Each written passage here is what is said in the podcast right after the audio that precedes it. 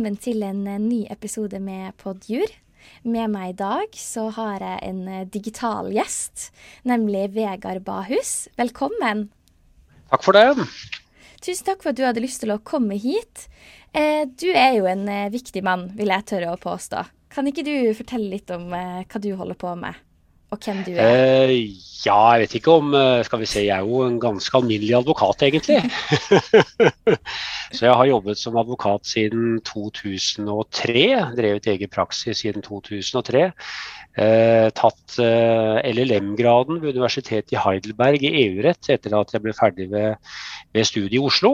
Og så har jeg hatt den vanlige advokatjobben da, med forskjellig type praksis. Eh, nå etter hvert er det mer hovedvekt på fast eiendom, eh, humanjus som vi kaller det. Som barnefordeling, skilsmisseoppgjør, arveoppgjør etc. Mye arbeidsrett, um, erstatningssaker. Og så har det blitt mye dyrevelferd, da. Det har det blitt. Mm. Så det, det, er kjempeartig. Veldig spennende. Så underviser jeg litt ved siden av, som universitetslektor ved Universitetet i Agder. Driver med helserett, underviser for vernepleiestudenter bl.a og sensor i uh, utlendingsrett og helserett ved Universitetet i Oslo. Så har jeg utgitt en fagbok i utlendingsrett uh, sammen med Nasjonalt ID-senter, og er fagansvarlig for utlendingsrett ved snl.no. Men det er jo på en måte dyrevelferdsretten som er hjertebarnet mitt, da. Det er det. Mm. Så, uh, så det var jo litt tilfeldig at jeg kom inn på det. Vi har jo alltid hatt dyr hjemme. Mm. Hunder og katter og etter hvert også uh, tre-fire hester. Så det har jo Nå er det bare to igjen, det er det. Men det blir jo litt utskiftninger. Barna mine driver med hest, så da litt selv også. Så da ble det, ble det mye dyr. Det gjorde det. Mm. Og i praksisen min så har det også vært en del uh, saker fra dyrevernforeninger og fra bønder og privatpersoner. Særlig hestesaker og hundesaker. Så etter hvert så begynte jeg å se at uh, her er det noe som mangler innenfor uh, på en måte faglitteraturen. Mm. Det, er, uh, det, var ikke noe litteratur på det utenom en kommentarutgave. Så da begynte jeg etter hvert å tenke litt på å skrive denne innføringsboka. Så eh, det var vel eh, ja, nå begynner det å bli en del år siden. Det er vel en fem-seks år siden kanskje. Så ja, så det, og siden så har den kommet, da. Og det, det har vært veldig artig. Ja, og så vidt jeg kan se, så er det jo fortsatt den eneste læreboka vi har om dyrevelferdsrett. Ja, jeg håper det kommer flere, for det vil ja. jo være veldig veldig bra. Men mm. det er jo mm. et lite fagområde, dessverre. Det er det. Og ja. dette, er sånn, dette, var jo på en måte et sånt risikoprosjekt for uh, fag, fagbokforlaget visste jo ikke hvordan dette her kom til å gå. Og det er klart det er jo alltid litt skummelt å satse på noe nytt, det er det. Men uh, vi, gjorde, vi, gjorde, jo det, og med god hjelp fra forlaget så, så fikk vi utgitt uh, denne innføringsboka. Så det, mm. det, er jo både en lærebok og på en måte en sånn slags oppslagsbok for praktikere spesielt. Mm. Så det skal på en måte være lett på en måte å slå opp og se om uh, hvordan en bestemmelse anvendes. Uh, hvordan man f.eks. skal gå fram i forhold til, uh, til, avlivning av dyr eksempelvis. Så det er jo på en måte ikke bare en lærebok, men også en oppslagsbok, kan man si. Så det er ja sånn sett en bok som er egnet både for praktikere og for dyrevernere og for eh, ja, en kompis av meg leste boka, syntes det var veldig artig. Og han er ikke jurist, så den passer også for på en måte folk som ikke driver med, med jus til daglig. Det gjør den. Mm, mm. Ja. Men eh, hvis vi starter litt på det basic, hva, hva er egentlig dyrevelferdsrett? Oi, det spørsmålet det grudde jeg meg til. Fordi dyrevelferdsrett det er jo egentlig litt sånn udefinerbart. I bunn og grunn så handler det vel, eh, sånn som vi har forsøkt å definere det, om eh, rettsregler som regulerer hvordan man skal håndtere dyr, hvordan dyr skal ha det. Rett og slett hvordan man skal sikre god dyrevelferd. Det er på en mm. måte en slags sånn eh, hva skal vi kalle det, en sånn slags hoveddefinisjon. da, sånn overordnet definisjon. Det handler rett og slett om dyrenes ve og vel. Og Det griper jo inn i eh, mange, eh, mange, rettsområder også. så Det er jo på en måte en sånn slags eh, paraplybetegnelse for et fag som har i ringvirkninger i en rekke andre fag også. I kjøpsretten bl.a. Tenk på kjøp og salg av dyr. Mm. Eh, det handler også om jakt, det handler om, om, om, hvordan det skal være med reindrift, ulike næringsvirksomhet, fiskeri. ikke sant? Så det mm. går inn i både næringsvirksomhet og det går inn i privatrettslige forhold. Offentlig rett og privatrett, og strafferett også. Hvordan man skal håndtere de som driver med dyremishandling. og og det er eh, regler også om forvaltningen. Eh, Mattilsynet, eh, viktigste forvaltningsorganet i forhold til dyr, er jo det. Så det er jo på en måte en undergruppe innenfor forvaltningsretten Mm. Sånn, uh, hvis man skal prøve å forsøke seg på en sånn slags systematisering. Så man kan jo si at det er spesiell forvaltningsrett, kan man si. Mm. I den forstand at det handler om, uh, om, uh, om hvordan man skal sikre at dyr har det bra. Og da er det jo det offentlige som har et særlig ansvar. Så er det også miljørett. Og det er et veldig viktig aspekt, selvsagt. Miljøretten er jo eh, på en måte et slags metafag som handler om artsmangfold, hvordan man skal sikre biologisk mangfold, hvordan man skal sikre klima, hvordan naturen skal sikres. Så det blir på en måte en sånn slags eh, sondring der at miljøretten er på et metaplan, mens eh, dyrevelferdsretten er på individnivå. Det handler om det mm. enkelte individ. Så hvis man tar en sammenligning mellom f.eks. Eh, naturmangfoldlovens regler om artsmangfold og hvordan man skal sikre rovdyr osv., så, videre, så går det på, på, artene. Mens dyrevelferdsloven går på den, den enkelte ulv, den enkelte mm. rev, den enkelte, det enkelte dyr. Mm. Så, sånn sett så er, eh, så er dyrevelferdsretten uh, mer hva skal vi kalle det, rettet inn mot enkeltindividet. Ja. Og når man, eh, og når man snakker på en måte om ja, dyrevelferdsloven og litt sånn, så, eh, så, lurer jeg på hvordan praktiserer man da dyrevelferdsrett i Norge?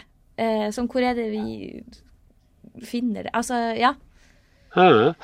Eh, det er jo Mattilsynet som har på en måte hovedansvaret sånn offentlig, eh, som et offentlig organ. Mm. Men dyrevelferdsloven pålegger plikter overfor den enkelte dyreholder. Mm. Så alle som har med dyr å gjøre, det bør ikke være at man eier et dyr. Det bør ikke være at man på en måte eh, har en jobb hvor man håndterer dyr, men rett og slett når man passer på en katt, når man har en hund, så er man underlagt plikter i henhold til denne loven. Og Det handler om å sikre at de får nok vann, at de sikrer at de får nok mat, at de får pleie og omsorg. Hvis de blir syke, så skal de tas til veterinær. Så denne loven gjelder for alle som har med dyr å gjøre. Og Derfor så er dette begrepet dyreholder veldig viktig. Fordi at eh, de som holder dyr, de er underlagt disse pliktene. Nemlig mm. også passe på at dyrene har det bra. Mm. Og det, behøver, det, kan rett og slett være så enkelt at man begynner også å gi mat til en villkatt. En katt som, mm. uh, som, løper rundt, reker rundt i gaten. ikke sant? Så, så begynner man også å gi mat til katten. Etter hvert så, så uh, blir dette en slags vane for katten. Den har en forventning om å komme til deg for å få mat. Og når det på en måte etableres et sånt forhold mellom et, en katt og deg, så er man rett og slett en dyreholder. Så lite skal til, altså. Mm. Og da har man plikt til også, også ivareta dyrenes ve og vel, i dette tilfellet en katt. Så handler det også om plikter for den enkelte, eh, enkelte lovlydige borger. Rett og slett, hvis du møter på et dyr som trenger hjelp, mm. uavhengig av om du har eierskap til dyret eller om du, har, om, ja, om du holder dyret, treng, treffer du på et dyr som trenger hjelp, så har du en plikt til å hjelpe dyret. En slags ja. uh, hjelpeplikt som er veldig veldig viktig. Og en varslingsplikt også. Hvis du mm. ser en, uh, en, uh, en, elg som ligger og er kjørt ned av en bil, så har du plikt til å varsle for at dette, denne, elgen, denne, elgen, får hjelp. Så det mm. er både plikter spesielt eh, og i all hovedsak for den enkelte dyreholder, men også for det allmenne publikum. En hjelpe- mm. og en eh, varslingsplikt. Mm. Så, eh, så, er det, men Mattilsynet har jo som oppgave å påse at, at dette regelverket over, overholdes. Det mm. er, og da har jo de maktmidler, og de har rett til å gå inn og foreta eh, tilsyn og undersøke hvordan dyr har det. Og så kan de eh, pålegge eh, tiltak. De kan også sned, de kan iverksette forbud mot å holde dyr osv. Så, videre. så de er tilsynsorgan, kan man si.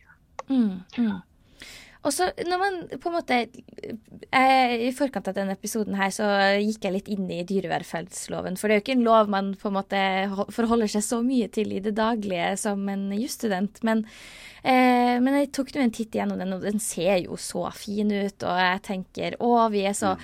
flinke og passer på dyrene våre i Norge, og jeg kjenner jeg blir stolt. Og så går jeg på mm. matbutikken, og så ser jeg på Gilde sin pose, og så tenker jeg ja, det går jo helt fint at jeg spiser den eh, her eh, kjøttkakepakken.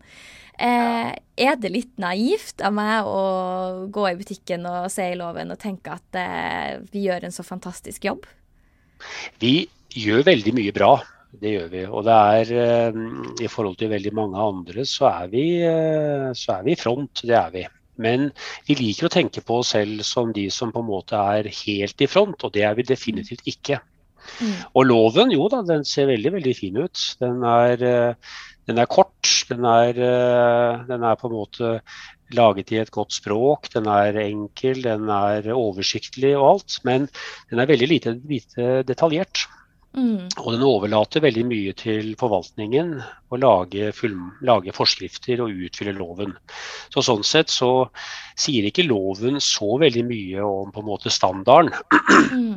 Den, da må man gå til de enkelte forskriftene. Forskrift om hestevelferd, forskrift om, om, eh, om, eh, om gris, om, eh, om, andre dyreslag.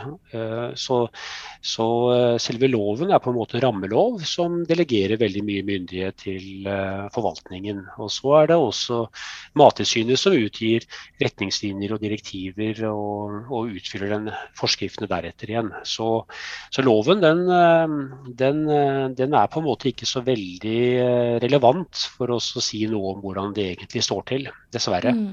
Mm. Mm. Men hvis man ser på loven, så kan man jo bare ved å se på på én bestemmelse der, nemlig denne fanebestemmelsen i paragraf 3 om, mm. uh, om, forsvarlig dyrevelferd. Og da er jo stikkordet der nemlig at uh, man skal Eh, man skal gi dyr forsvarlig eh, eh, Ja, rett og slett at de skal behandles forsvarlig.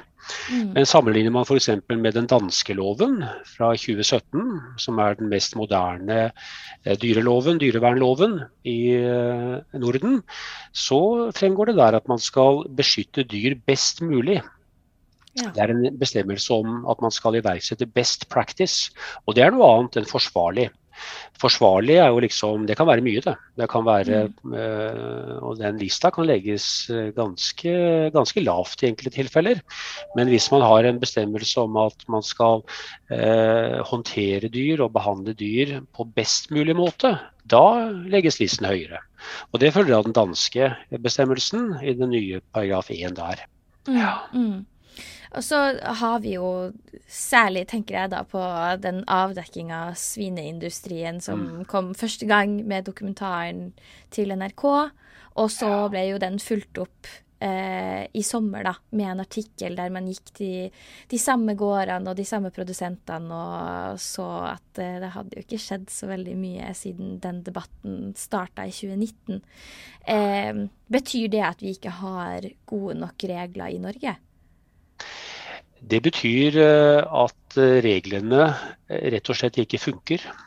Mm. Regelverket er greit nok på mange vis, selv om det der kan være eh, forskjell også. Eh, bare for å trekke en liten parallell. Mange regler i forhold til eh, produksjonsdyr som gris og høner, de er ganske detaljerte, og det fastsettes det regler bl.a. om at gris skal ha rotemateriale osv. Mm. I forhold til fiskeoppdrett så har man ikke det. Nei. Så hvis man tenker en sondring mellom bl.a.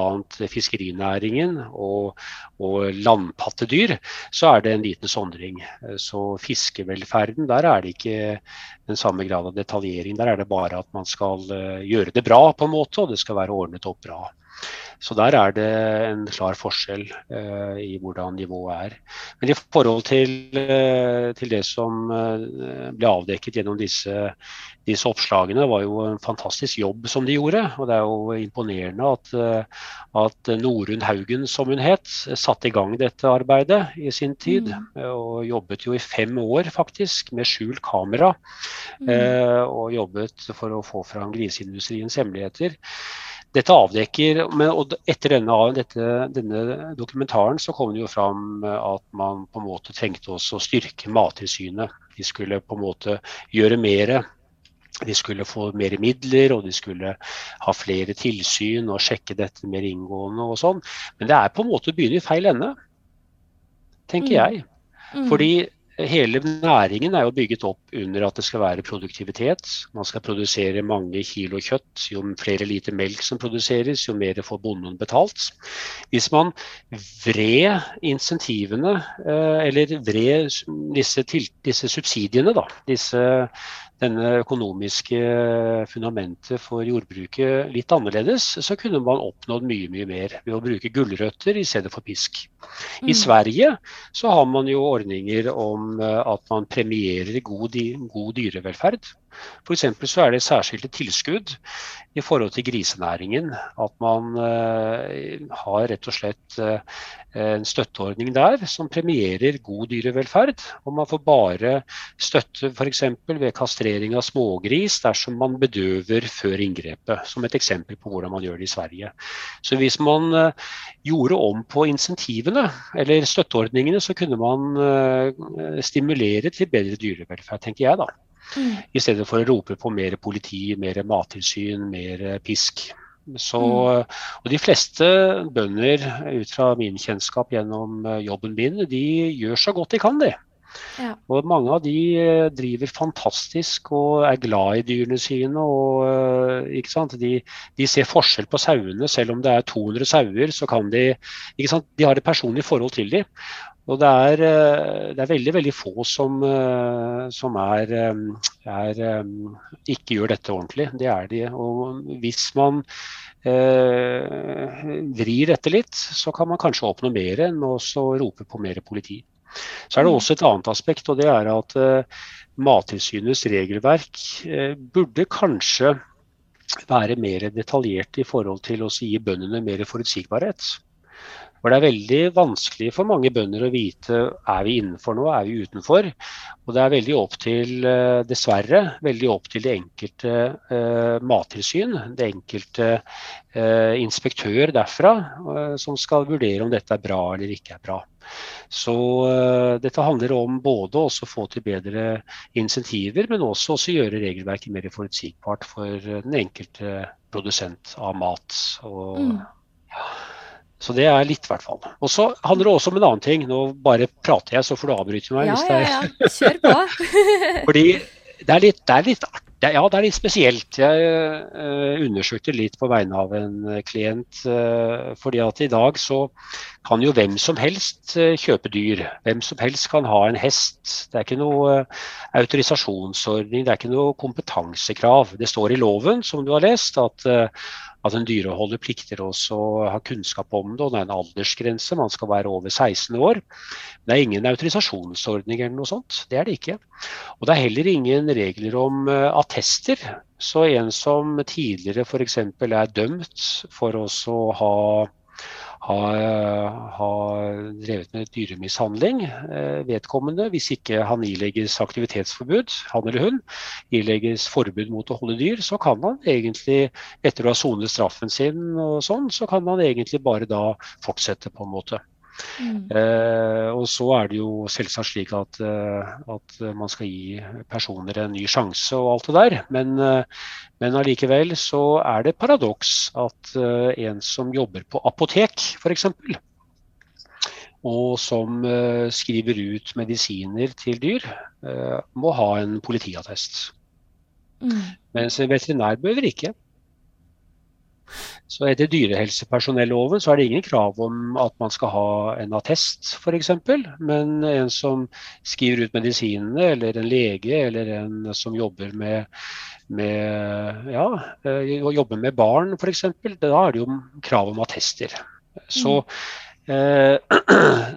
mange tar til orde, eller Noen tar, tar til orde for at man skal innføre en form for uh, dyrevelferdsattest. At man skal ha en sånn slags liten sånn avsjekk av om vedkommende er skikket til å ha med dyr uh, å gjøre. Mm. Så det kunne vært noe, kanskje, å innføre. Ja. Har, har man det i andre land? Ikke det jeg vet. Det, men det er eh, i enkelte andre land så har de krav til eh, nærmere utdanning og kompetanse for å ha med dyr å gjøre. Det har de. Mm. Så, eh, men en attestordning kjenner jeg ikke til. Nei. Nei. Men du, da vi begynte å planlegge denne episoden her, så sa du også det her med å grunnlovfeste dyrs egenverdi. Ja. Eh, mm. og at det er noe man har sett eh, har blitt gjort i andre land. Eh, ja. Hvordan tror du at det å grunnlovfeste dyrs egenverdi kan hjelpe? I hvert fall så vil det øke bevisstheten om at dyr eh, har egenverdi, uavhengig av den nytteverdi de har for mennesker. Så det har på en måte en mm. sånn slags eh, pedagogisk effekt. Det vil det ha. Mm. Men eh, det er klart at uh, en bestemmelse eh, blir ikke viktigere eller får ikke større betydning enn hvordan den anvendes. Og Man ser mm. jo på 112 i Grunnloven f.eks. hvordan den kanskje ikke er noe mer enn en symbolbestemmelse. Men jeg vil i hvert fall tenke at en, en, en bestemmelse om, som anerkjenner dyrs egenverdi, vil ha en større betydning enn denne miljøparagrafen. Mm. Fordi denne bestemmelsen i 112 den gjelder jo noe på en måte på et metaplan, nemlig miljøet. Det, mens en eh, bestemmelse om dyr vil gjelde det enkelte individ, vil gjelde det enkelte dyr. Og Sånn sett så er den eh, kanskje lettere å anvende og vil kunne få større gjennomslagskraft enn en sånn slags overordnet miljøbestemmelse som gjelder noe sånn metaplan eh, på et metaplannivå. Mm, så sånn mm. sett så kan den få større ringvirkning. Og jeg ser for meg at en bestemmelse som anerkjenner eh, dyrs iboende rettigheter, i hvert fall vil kunne ha betydning i forhold til hvordan man betrakter dyr i kjøp- og salgforhold. Mm. Nå er jo dyr eh, å betrakte som en gjenstand på lik linje som en sofa. ikke sant? Eh, eller eh, og mangelsvurderingen i forhold til dyr, den er jo i prinsippet så er den samme som om man kjøper en, ja, et møbel eller en sykkel, på en måte. Og det er jo mm. litt sånn pussig. Dyr er jo levende vesener, og det er jo spesiekjøp, hvis man skal liksom tenke den terminologien. Man kan ikke erstatte et dyr med et annet dyr på samme måte, men likevel så snakker man om omlevering. så det er jo litt sånn, eh, sånn rart. Og en eh, en bestemmelse som, eh, som, sikrer eh, dyrs rettigheter, vil kunne ha betydning eh, i en kjøpssituasjon. Jeg tenker da på risikoens overgang på overlevering. Og kanskje vil det kunne føre til at man kanskje må ha, lage en egen kjøpslov om dyr. Kjøp og salg av mm. dyr, kanskje. Mm. Så Sånn sett så kan det ha en betydning, tenker jeg. Videre så vil også denne bestemmelsen kunne eh, ha betydning for dyr som ikke omfattes av dyrevelferdsloven. Mm. Man tror liksom at dyr Jo, da er de omfattet av dyrevelferdsloven, men det er ikke slik. Det er en del dyr som ikke er omfattet, og som ikke har det vernet. Så det er en eh, forskjell f.eks. For mellom hva slags dyr som omfattes etter den svenske loven og den norske loven f.eks. Og hvis man eh, har en grunnlovsbestemmelse, så kan det gi et vern til eh, de dyrene som ikke omfattes av dyrevelferdsloven. Bare et eksempel. Pinnedyr. Det er ikke omfattet av den norske loven, men av den svenske. Så det er jo, eh, Og allikevel så selges jo pinnedyr i, eh, i, i butikkene. Og, og, i og med at man eh, ikke har da den beskyttelse for denne arten som mm. for andre dyr, så, ja, så kan ikke Mattilsynet gå inn. Man kan ikke, man kan ikke oppstille krav om, om, tilsyn og stell. Så det er jo mm. da noen grupper som faller utenom. Og det er litt rart. Ja, det er jo veldig rart. og så er det kanskje også slik at en grunnlovsbestemmelse kan ha betydning for såkalte skadedyr. Mm. For det er jo en del uh, dyrearter som på en måte er en pest og en plage. Mus, rotter, uh, hoggorm er jo truet, men allikevel så er det betegnet som et skadedyr. Så det er jo det er jo kanskje slik at den gruppen av dyr vil kanskje i hvert fall kunne løftes litt opp. Mm. Um, så ser jeg også for meg ja, bare et eksempel i forhold til det. Nå er det et vann her utenfor Kristiansand som heter eh, Gilsvannet. og Der er det satt ut gjedde. Det er jo et skadedyr. Og det er jo klart eh, ikke bra for, eh, for, den øvrige fiskebestanden i dette vannet. og Derfor så har eh, forvaltningen da, satt i gang rotenonbehandling og sluppet ut flere, flere tonn med rotenon for å drepe alt liv i dette vannet. Det er ikke sikkert det hadde latt seg gjøre gjennom eh, en grunnlovsbestemmelse. Mm. I hvert fall så ville man da kunne løfte fram og fått problematisert uh, hvordan det vil være i forhold til gjedda. Uh, at mm. man gjorde det på den måten der. Det mm. finnes jo andre mindre inngripende måter uh, å, å, ta ut gjedde på enn å drepe alt liv i vannet. Mm, mm. Så var det jo også en debatt i forhold til, eh, til villrein på Hardangervidda, hvor Mattilsynet tok til orde for å slakte ned 90 eh, vel av hele bestanden på, av villrein. Fordi det var skrantesyke som er oppdaget der. Jeg vet ikke hvordan det endte, men i hvert fall en debatt før sommeren om det. Og Det stiller jo spørsmål ved om, eh, om det vil gå utover uh, villreinbestanden som, uh, som, en helhet. Og etter dyrevelferdsloven så ville det kunne være uh, greit å gjøre, for så vidt. Men hadde man en grunnlovsbestemmelse, så hadde det kanskje vært problematisert i forhold til, til, til, til vernet for i forhold til truede dyrearter osv. Så, så Så jeg tenker at Eh, at en grunnlovsbestemmelse kan ha ganske stor betydning. Mm. Eh, og så ser man jo også det i eh, Tyskland bl.a., hvor man har en grunnlovsbestemmelse. I den tyske grunnloven, i sveitsiske grunnloven har man det. Det er også foreslått i Finland å innføre det. Og EU har en egen bestemmelse i, uh, i EU-traktaten om at man skal ivareta dyrs individuelle e egenart. Så mm. hvorfor ikke Norge? Mm. Ja. Men så har vi jo eh, dyrevelferdsloven paragraf 3, som sier at ja. eh, dyr har egenverdi uavhengig av den nytteverdien de måtte ha for mennesker. Hvordan tror du ja. da en grunnlovsbestemmelse hadde sett ut? Eh, den bestemmelsen, da den ble vedtatt, eh, så, så, ble det uttalt fra departementet ved statsråden da, det var vel Eh, Senterpartiet som hadde Landbruksdepartementet da, at den bare skulle være en symbolbestemmelse. Ja. denne bestemmelsen. Og det har jo hatt, uh, hatt, kanskje en litt sånn negativ virkning da, på hvordan uh, bestemmelsen har blitt uh, betraktet, og hvordan den har blitt anvendt i, i, i rettsapparatet. Så det at man på en måte la den føringen fra lovgivers side, det ødela litt for bestemmelsen, da, kan man si. Mm, mm. Så eh, det er klart at eh, hvis lovgiver gjennom en grunnlovsbestemmelse sier noe tilsvarende, så vil jo det også ødelegge for bestemmelsen, uavhengig av om den står i Grunnloven eller i, i den vanlige dyrevelferdsloven. Så mye vil jo avhenge av, eh, av intensjonene og hva som uttales om bestemmelsen i forarbeidene. Eh, mer kanskje enn om den står i Grunnloven eller i, eh, i, i den ordinære loven.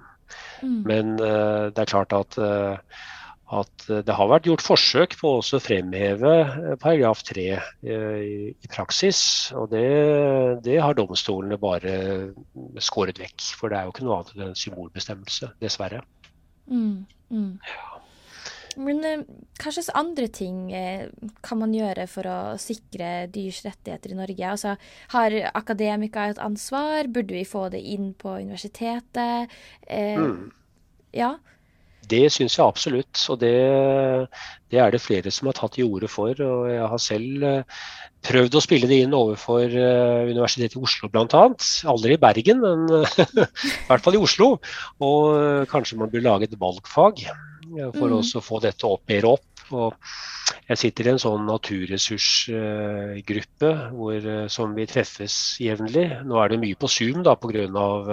korona, men i hvert fall så treffes vi jevnlig og har, har møter. Og, og, det er flere der som ønsker også å bringe fram dyrevelferdsretten. For nå ligger det på en måte som en sånn slags undergruppe av miljøretten. Og mm. nå er det på en måte bare klima alt sammen. Og da drukner dette naturperspektivet, dessverre, eh, en god del. Så eh, akademi, akademia har et ansvar, helt klart. Og, mm. Eh, og sånn sett så, så, burde det vært et eget, eget fag. Og det bør, det bør også, også sikkert sette søkelys på gjennom gjennom mer forskning. Nå er det jo heldigvis en del, eh, en del studenter som skriver avhandlinger om, om, eh, om dette, og det er kjempebra. Mm. Og eh, mm. Jeg sitter selv i en nordisk gruppe, og vi jobber med å lage en sånn slags Eh, nordisk eh, innføringsbok og hvordan dette faget er på nordisk plan. Og da sitter det fra Finland, Danmark, Island, Sverige, så vi sitter sammen og skal prøve å sy, ja, eh, å sy sammen noe. Og jeg ser jo hvordan bl.a. man i Finland har en egen, egen professor i dyrevelferdsrett.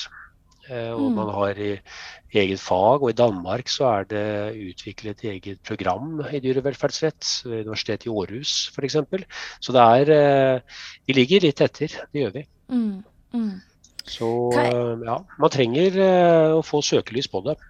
Mm. Det gjør man. Ja. Er det noen andre ting vi kan gjøre for å sikre dyrs rettigheter her i Norge? Jeg syns dette med dyrepoliti er eh, bra, ja. det syns jeg. Mm. Selv om eh, det er pisk og ikke gulrot, så er det allikevel bra. Fordi man ser jo gjennom, eh, gjennom en lang rekke saker at dette med kriminalitet overfor dyr, det har jo blitt noe som har blitt nedprioritert. Og mm. politiet har ikke hatt ressurser, de har ikke hatt, hatt ja, interesse kanskje i å gå inn i det. Og Mye kan jo mm. skyldes uh, at de ikke har Nå er det jo innført dyre uh, De har jo litt om det på Politihøgskolen, men allikevel så er det ikke mye de lærer om det, politistudentene heller.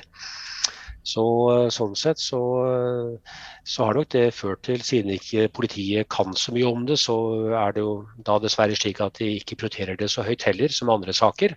Mm. Så, eh, men dette med dyrepolitiet er et fremskritt, det er det. For da i hvert mm. fall så har man søkelys på det. Og da drukner det ikke i, eh, i på en måte økokrim og faunakriminalitet, men det blir en egen, egen greie. Så liker jeg Eh, lite, nå er det dette en sånn lite sånn kjepphest, at man har dyrevern innunder eh, Mattilsynet. Det liker jeg ikke. Mm. det burde vært et eget tilsyn for eh, naturmangfold og dyr, tenker jeg at man burde tatt det vekk fra mat og heller eh, puttet det inn i en annen kategori. For nå blir, nå blir eh, på en måte Mattilsynet blir på en måte eh, Da blir liksom dyr en samme greie som Da blir det sett på som en produksjonsfaktor, på lik linje mm. med, med korn og melk og, og produkter som, som, vi får i landbruket. Mm. Så det Eh, og det at det er en del av Matdepartementet, Mat- og landbruksdepartementet, det, det, burde vært eh, heller kjørt over i miljø, tenker jeg. Mm. Ja. Mm. Så det er litt med, med holdningen vi har. Mm. Men eh, sånn totalt sett, da. ser vi noen forbedringer i sikte? Som prøver mm. Norge å gjøre Prøver vi å bli litt bedre?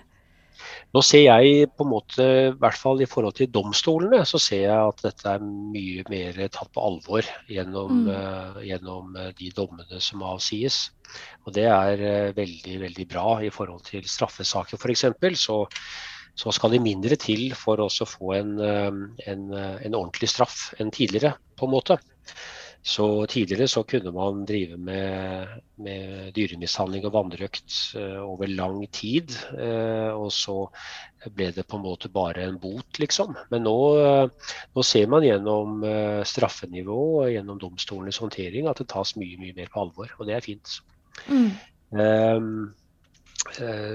samtidig så så, så, ser jeg jo at Mattilsynet blir på en måte De får veldig mye makt, det gjør de. Og det er veldig, veldig vanskelig på en måte for den enkelte bonde som f.eks. er uenig i et aktivitetsforbud. Vet du hva et aktivitetsforbud er?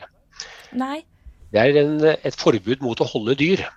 Så hvis f.eks. Eh, Mattilsynet ilegger et aktivitetsforbud mot å holde sau f.eks., for så forbys du å holde sau. Tidligere så, eh, og når domstolene gjør det, så ilegger de forbud f.eks. For i en periode på ja, gjerne to år, tre år. Eh, og så tenker man at ja, det skal ha en man skal på en måte få mulighet til å få en ny sjanse. Men når Mattilsynet gjør det, så er det som hovedregel uten tidsbegrensning. Og Det betyr at uh, man jo, man ilegges et forbud mot å holde dyr, kanskje sau eller hva det er, og så varer dette da livet ut. Og Så kan man eventuelt søke om å få en, en tillatelse igjen senere, men da er det opp til Mattilsynets uh, vurdering og, uh, og for godt befinnende. Men det er ingen overprøvingsordninger av noe betydning. Mm. Man kan klage på det, men det er et internt eh, organ i Mattilsynet, hovedkontoret, som behandler klagesakene. Eh, man kan kanskje gå til Sivilombudsmannen, men eh, de, det er ikke så adekvat, kanskje. Domstolene i hvert fall gjør ingen reell over, overprøving av det. For de, eh, de, prøver bare om det foreligger eh, saksbehandlingsfeil, eller om det er grovt urimelig, usaklig forskjellsbehandling, myndighetsmisbruk, eller om det er feil lovanvendelse eller feil faktum. Og så stoler man mye på forvaltningens vurdering. Mm. Så eh, det er klart at at på én side så er det flott at Mattilsynet får tilført nye, eh, opp, nye ressurser og får blitt satt i stand til å foreta tilsyn og sikre dyrs ve og vel osv. Men av rettssikkerhetsgrunner så bør det være en reell overprøvingsmulighet også for den enkelte bonde eksempelvis som får et aktivitetsfor, eh, aktivitetsforbud. Og det er det ikke i dag. Mm. Så mm. Så eh, skal respekten for Mattilsynets eh, oppgaver og håndtering eh, bli større, så bør det kanskje innføres i større grad enn i dag. For det er jo mange saker hvor Mattilsynet har fått ja, vist at de ikke har, har, har, vært det organet de burde være, mm. dessverre. Og kanskje også for en del av å lempe mm.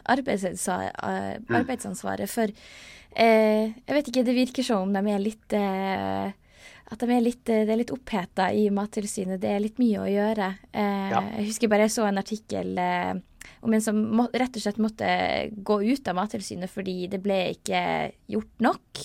Mm. De, fikk ja. ikke, de, fikk ikke, til å strekke til overalt. Og det er jo veldig fælt hvis det skal være på at ja. vi ikke har nok arbeidskraft. Mm, helt klart. Kunne, og det, mm. ja, helt klart, og det må jo være frustrerende. At de mm. ser veldig mye som skjer, og så har de ikke mulighet til å gå inn i det. Bekymringsmeldinger som kommer inn, og de sjekker det ikke ut. Mm. Eller har ikke mulighet til å sjekke det ut ordentlig. Det er helt klart. Men jeg tenker jo mange ganger at det er litt tilfeldig hva Mattilsynet går inn i. Eh, mm. og det er litt uheldig det også, fordi de kan noen ganger så kan man få inntrykk av at de er veldig opptatt av å følge opp én eh, dyreholder som egentlig ikke har gjort så veldig mye galt, for å si det sånn. Mens det er andre dyreholdere som de vet om, og som de har fått uh, tips om osv., som uh, det ikke skjer noen, noen uh, ting med. Så jeg tenker nok at det bør være mer åpenhet om hva Mattilsynet gjør, og at det bør være en slags kontrollinstans, en slags nemnd kanskje, som skal kunne gå inn og sjekke dette litt nærmere. For mm. det er jo veldig ja, uheldig hvis Mattilsynet blir en slags stat i staten. Mm, mm. Ja. Men for å, for å, oppsummere litt, da. Hvis, eh, hvis, vi skal lande på tre ting som du håper eh, kan bli bedre, vi kan bli bedre ja. på.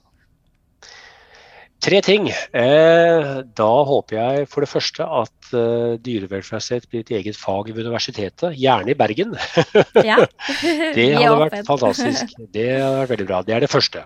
Andre så tenker jeg at man bør eh, innføre insentivordninger i forhold til til, til, særlig landbruk og produksjonsdyr, spesielt fiskeoppdrett, som gjør at man, man, har større fokus og premierer de som driver med god dyrevelferd. Heller gulrot enn pisk. Eh, i forhold til konsesjoner i forhold til fiskeoppdrett. Nå fikk vi ikke snakket så mye om det, men i forhold til det så er det jo veldig fokus på, eh, på lakselus. Eh, mm. Og hvis det er høy forekomst av lakselus i et område, så vil man kunne på en måte det, det, det trafikklyssystemet. Da vil man kunne gå over i, i i rødt og eventuelt begrense konsesjon osv. Men man ser ikke på andre faktorer i særlig grad i forhold til hvordan fiskens ve og vel har det. Eller i forhold til leppefisk og, andre, andre, uh, andre, fiskearter som også er i oppdrettsnæringen. Så her er det mye å gjøre. Og hvis man kan uh, heller uh, bruke gulrot og, inn, og premiere god dyrevelferd gjennom tilskudd og sånn, så har det vært utmerket.